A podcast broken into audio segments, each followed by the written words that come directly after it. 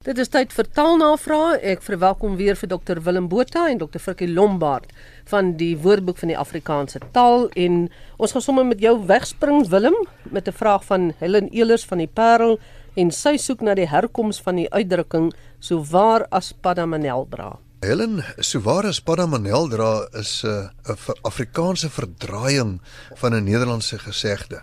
Nou baie lank gelede het die ouderlinge in Nederland in die kerk manelpakke gedra. Trouwens in Suid-Afrika het hulle ook manelpakke gedra en hulle was bekend as kerkvorsten. Die uitdrukking was dus so waar as wat kerkvors manel dra.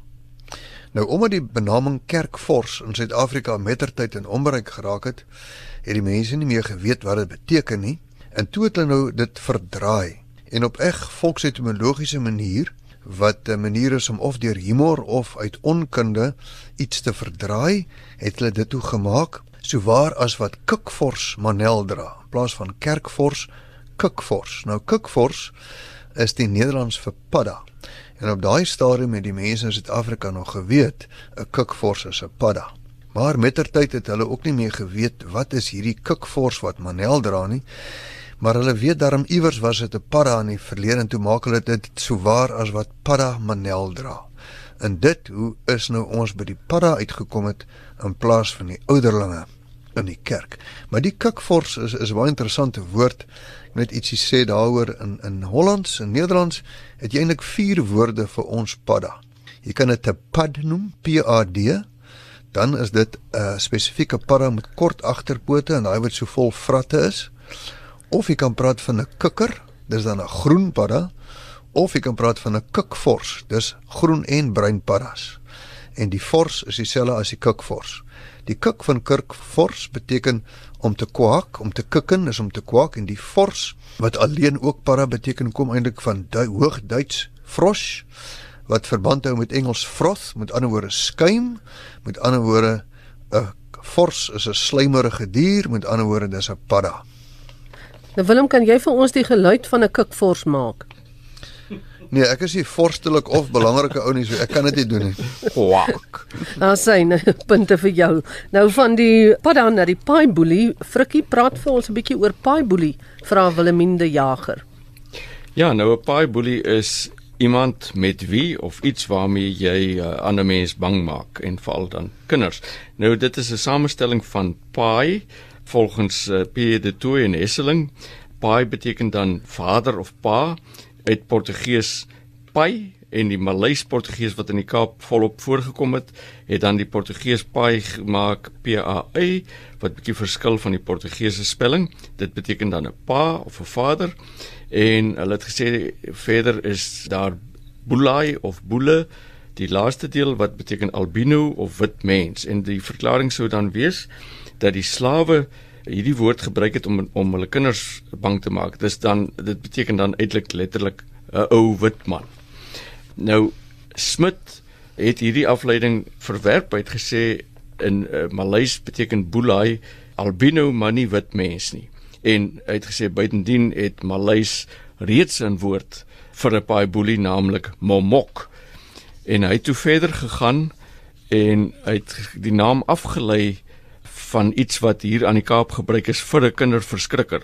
Ek moet net by sê in ons voorouers se tyd was kinderverskrikkers of sogenaamde kinderverskrikkers baie algemeen. Die Engels het gepraat van 'n bogeyman, die Duitser van 'n boeleman en die Nederlands boeman en bullebak. Nou aan die Kaap was volgens Smit paai was 'n gewone aanspreekvorm en die verbinding ou paai boeleman wat dan 'n uh, Pai plus die Duitse vorm want hier was baie Duitse garnisoensoldate aan die Kaap. Ou Pai Boeleman het dan geword Pai Boeleman en daai is Pai Boelie dan uiteindelik gevorm. En die eerste optekening daarvan in vroeë Afrikaans was by Boniface in 1832.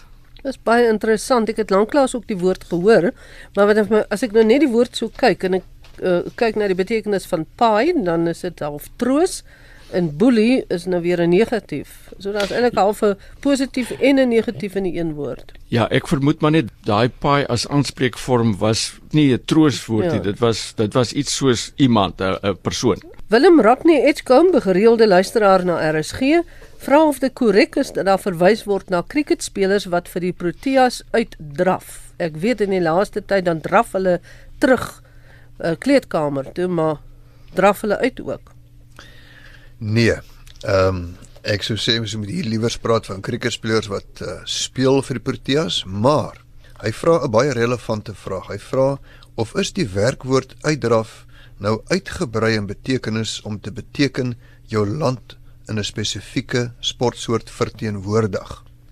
Nou dit is moontlik want as jy kyk na afskop.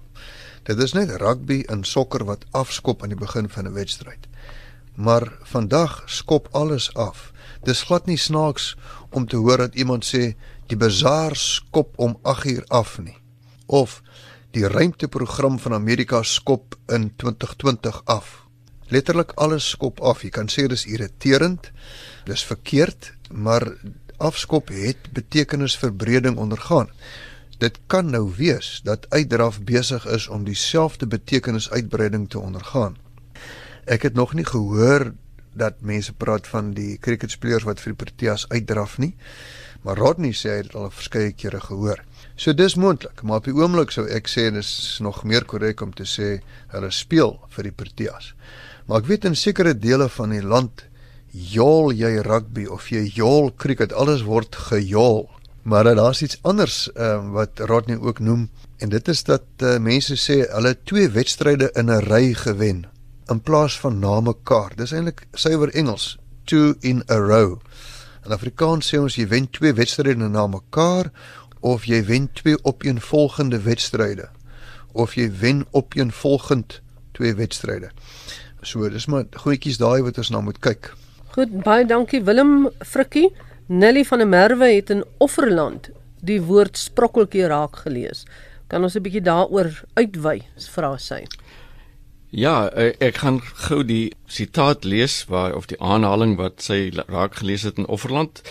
F.A. Venter skryf: "Alles is altyd klam, want elke sprokkeltjie droë hout raap die eerste mense weg, die voorste mense vat dit.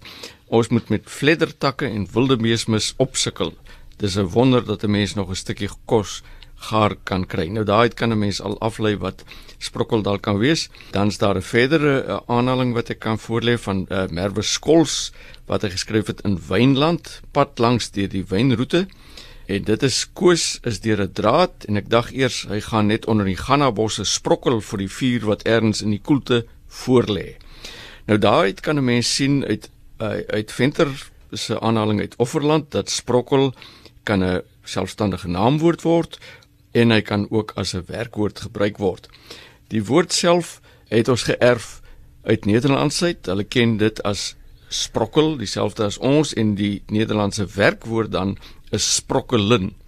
Nou 'n sprokkel is gewoon 'n afgebreekte takkie of 'n klein stukkie brandhout en dit kom natuurlik meestal in die meervoud voor of selfs in die verkleinwoord. Uh, jy maak sprokkels bymekaar. Dan is dit nou eintlik hierdie takkies wat jy gebruik om vuur aan die gang te kry. En die werkwoord wat Nederlands ken as sprokkelin beteken gewoon dat jy sprokkels soek of bymekaar maak. Met ander woorde, jy kry hierdie afgebreekte takkies of die stukkie stukkies dorhout soek jy sodat jy 'n vuur daarmee aan die gang kan kry. Willem Corneels van Pretoria het 'n vraag oor die uitdrukking dit gaan jou blikkies. Ja Corneels, dit beteken natuurlik mag dit met jou goed gaan en die vroeëre weergawe van die uitdrukking het die byvoeging gehad dit gaan jou blikkies jam. So, wat hier gebeur is dat die soetheid van die konfyt word in verband gebring met aangenaam. So die wens wat uitgespreek word is dat dit wat voorlê vir jou soet en aangenaam sal wees, soos 'n blikkie konfyt. Frikkie, kan ons 'n bietjie gesels oor die woord sosiaal en veral dan sosiale demokrasie, vra Jakobus Lotriet. Die woord kom in Frans voor uit Latyn uit. Willem het vir my gesê ek moet dit tog net reg uitspreek. Socialis, né, nee, Willem? En uh socialis kom ook weer uit socius wat beteken gemeenskaplik, verbonde ensovoorts. Jean-Jacques Rousseau het ook in daardie tyd 'n boek geskryf, Die sosiale kontrak. Nou, wat beteken sosiaal veral? Uh soos ons dit nou ken vandag. In die eerste plek is dit maatskaplik, met ander woorde wat betref die gemeenskap of die samelewing in die algemeen of wat dan deel vorm van of behoort aan 'n gemeenskap of samelewing of wat die gemeenskap of samelewing betref of betrekking het daarop en die manier waarop dit georganiseer en gestruktureer is soos in die voorbeeld die sosiale elite, sosiale integrasie of sosiale norme.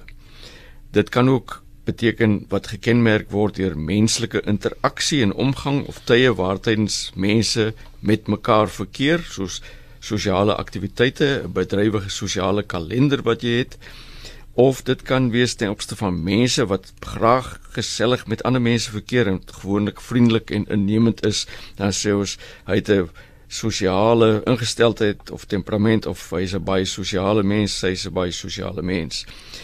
En dan kry jy baie interessant dat dit ook ten opsigte van diere en insekte selfs gebruik word. As dit so gebruik word, dan beteken dit wat tipies in 'n groep of soortgelyke versameling leef en funksioneer. Soos in die voorbeeld, dolfyne is baie sosiale diere.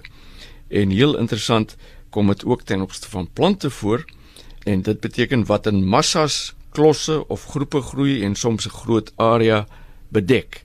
Tipiese voorbeeld is Proteas is sosiale plante wat omtrent nooit op hulle eie groei nie. Met ander woorde altyd in klompe voorkom en dis dan baie sosiale plante. Nou die vraag was ook dat ons bietjie praat oor sosiale demokrasie. Nou dit is in die politiek is dit 'n 'n politieke, maatskaplike, ekonomiese ideologie wat 'n vorm van demokrasie voorstaan wat sosialisties eerder as kapitalisties is en waarin ekonomiese ingryping gebruik word om maatskaplike verbetering en geregtigheid te bewerkstellig. 'n Sosiale demokrasie kan ook verder eh, 'n uh, land wat die sosiale demokrasie as beleidsrigting het, staan dan ook bekend as 'n sosiale demokrasie. Dit was altyd die ding dat ons nie van sosiaal moet praat nie, maar eerder maatskaplik. Uh, ja. Waar mense moet sê waar jy nou Engels kry social worker, sosiale werker, moet ons sê maatskaplike werker of die sosiale omstandighede eerder die maatskaplike omstandighede. Is dit kyk, nog so uh, rigied? Kyk, Nee, dit is nie so rigied nie want jy kan nie maatskaplik oral gebruik waar jy sosiaal gebruik nie. Ons gaan nie praat van uh hy's 'n baie maatskaplike mens as hy 'n baie sosiale mens is nie. Ja. Byvoorbeeld, een van die betekenisse van sosiaal is wel maatskaplik en en dit is die die eerste een met ander woorde wat gaan oor die gemeenskap of die samelewing in die algemeen. Dan is dit maatskaplik, maar jy kan nie in veral die betekenisonderskeidings wat sosiaal het, kan jy beslis nie maatskaplik daar vervang nie. Goed Willem François Leroux sê nou dat Elon Musk verlof gekry het om die kuberruimte te betree, dink hy terug aan Sputnik wat hom vir die eerste keer bewus gemaak het van aktiwiteite in die ruimte en hy wonder oor die betekenis van die woord. Nou, ek dink ons drie is al drie oud genoeg om van Sputnik te onthou. Ja, Sputnik was die eerste mensgemaakte satelliet en uh, die uh, voormalige Sowjetunie het dit die ruimte ingeskiet in 1957 dit in 'n wentelbaan om die aarde geplaas en die Russiese woord Sputnik het eintlik drie elemente en dis die S beteken met dan sit put en dis pad by soos Afrikaans en dan nik is 'n agtervoegsel waarmee jy 'n persoonsnaam vorm. So dis iemand saam met jou op die pad. Met ander woorde 'n medereisiger en die volledige naam van die satelliet was eintlik Sputnik Zemli en dit beteken medereisiger van die aarde. En later het hulle alle onbemande satelliete wat die Sowjetunie in 'n wentelbaan om die aarde geplaas het 'n Sputnik genoem maar eintlik is dit maar daai eerste ene van 4 Oktober 1957 wat as Sputnik bekend gestel is gestaan het. Maar interessant genoeg net so 2 maande later toe het uh, die Russe op 3 November 1957 'n bemande satelliet om die aarde laat wentel en die bemanning was natuurlik 'n hondjie en die hondjie se naam was Laika. Miskien onthou die luisteraars nog. En hulle was nogal slim. Hulle het 'n ou rondloper hondjie in Moskou se strate gevang en hom gebruik sodat daar nie enige emosie rondom die hond is nie. Dat dit nie iemand se hond is of 'n hond wat iemand ken nie, want hulle het nie eintlik verwag dat die hond sal lewe nie.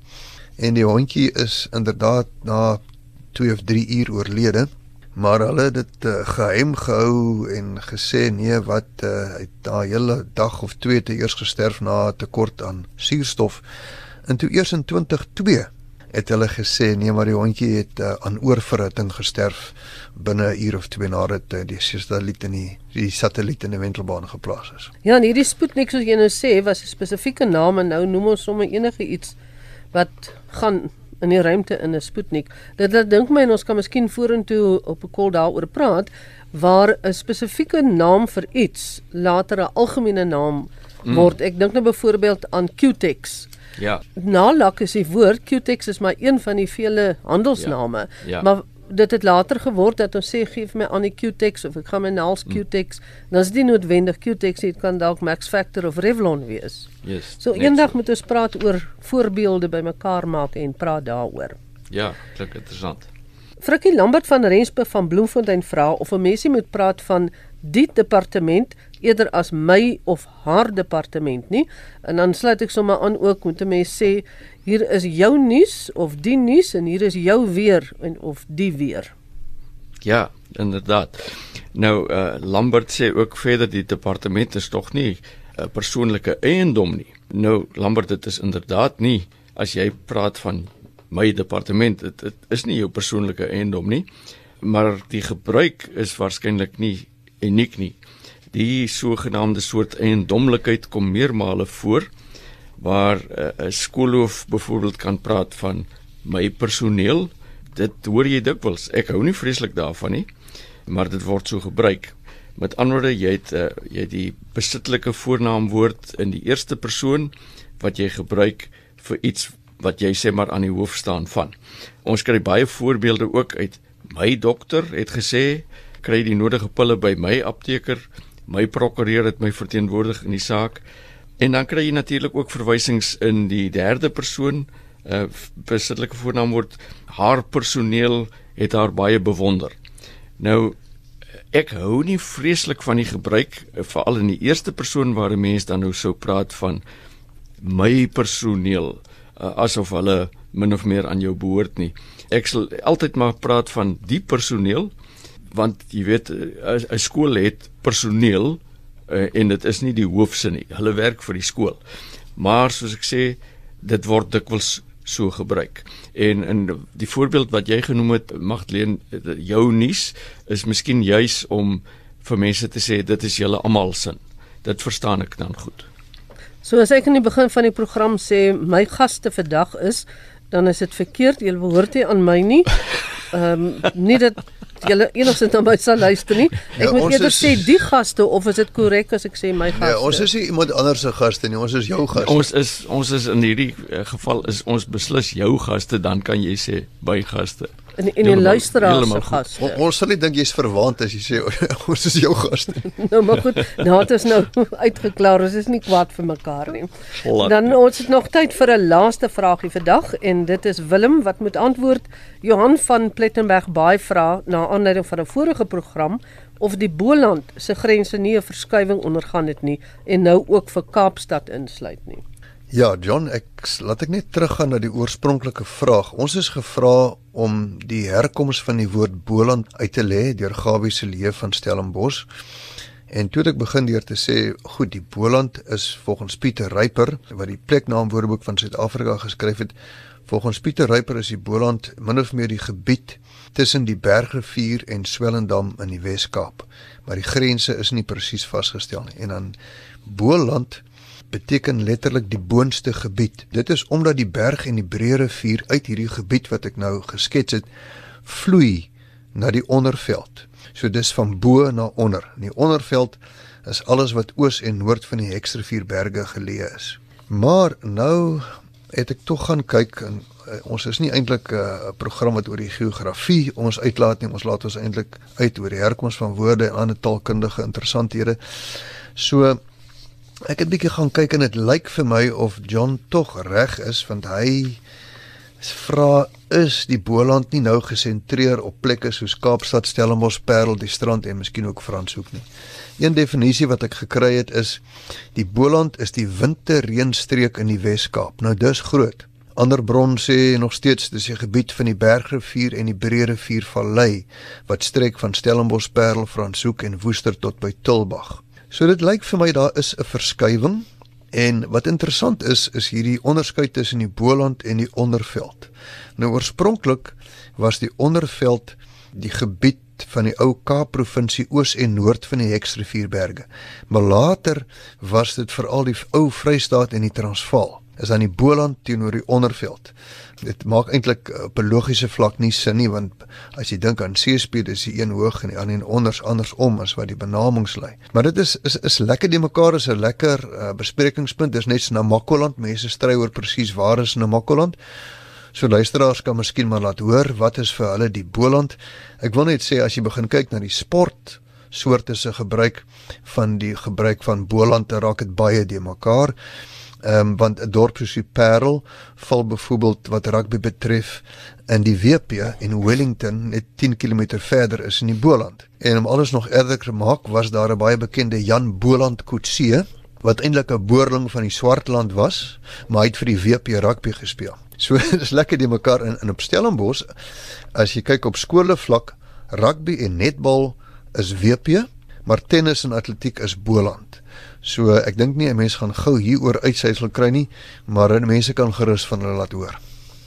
Baie dankie die gaste vandag, Dr. Virkie Lombard en Dr. Willem Botha van die Woordeboek van die Afrikaanse taal en aan die gaste en luisteraars, dit gaan julle blikkies.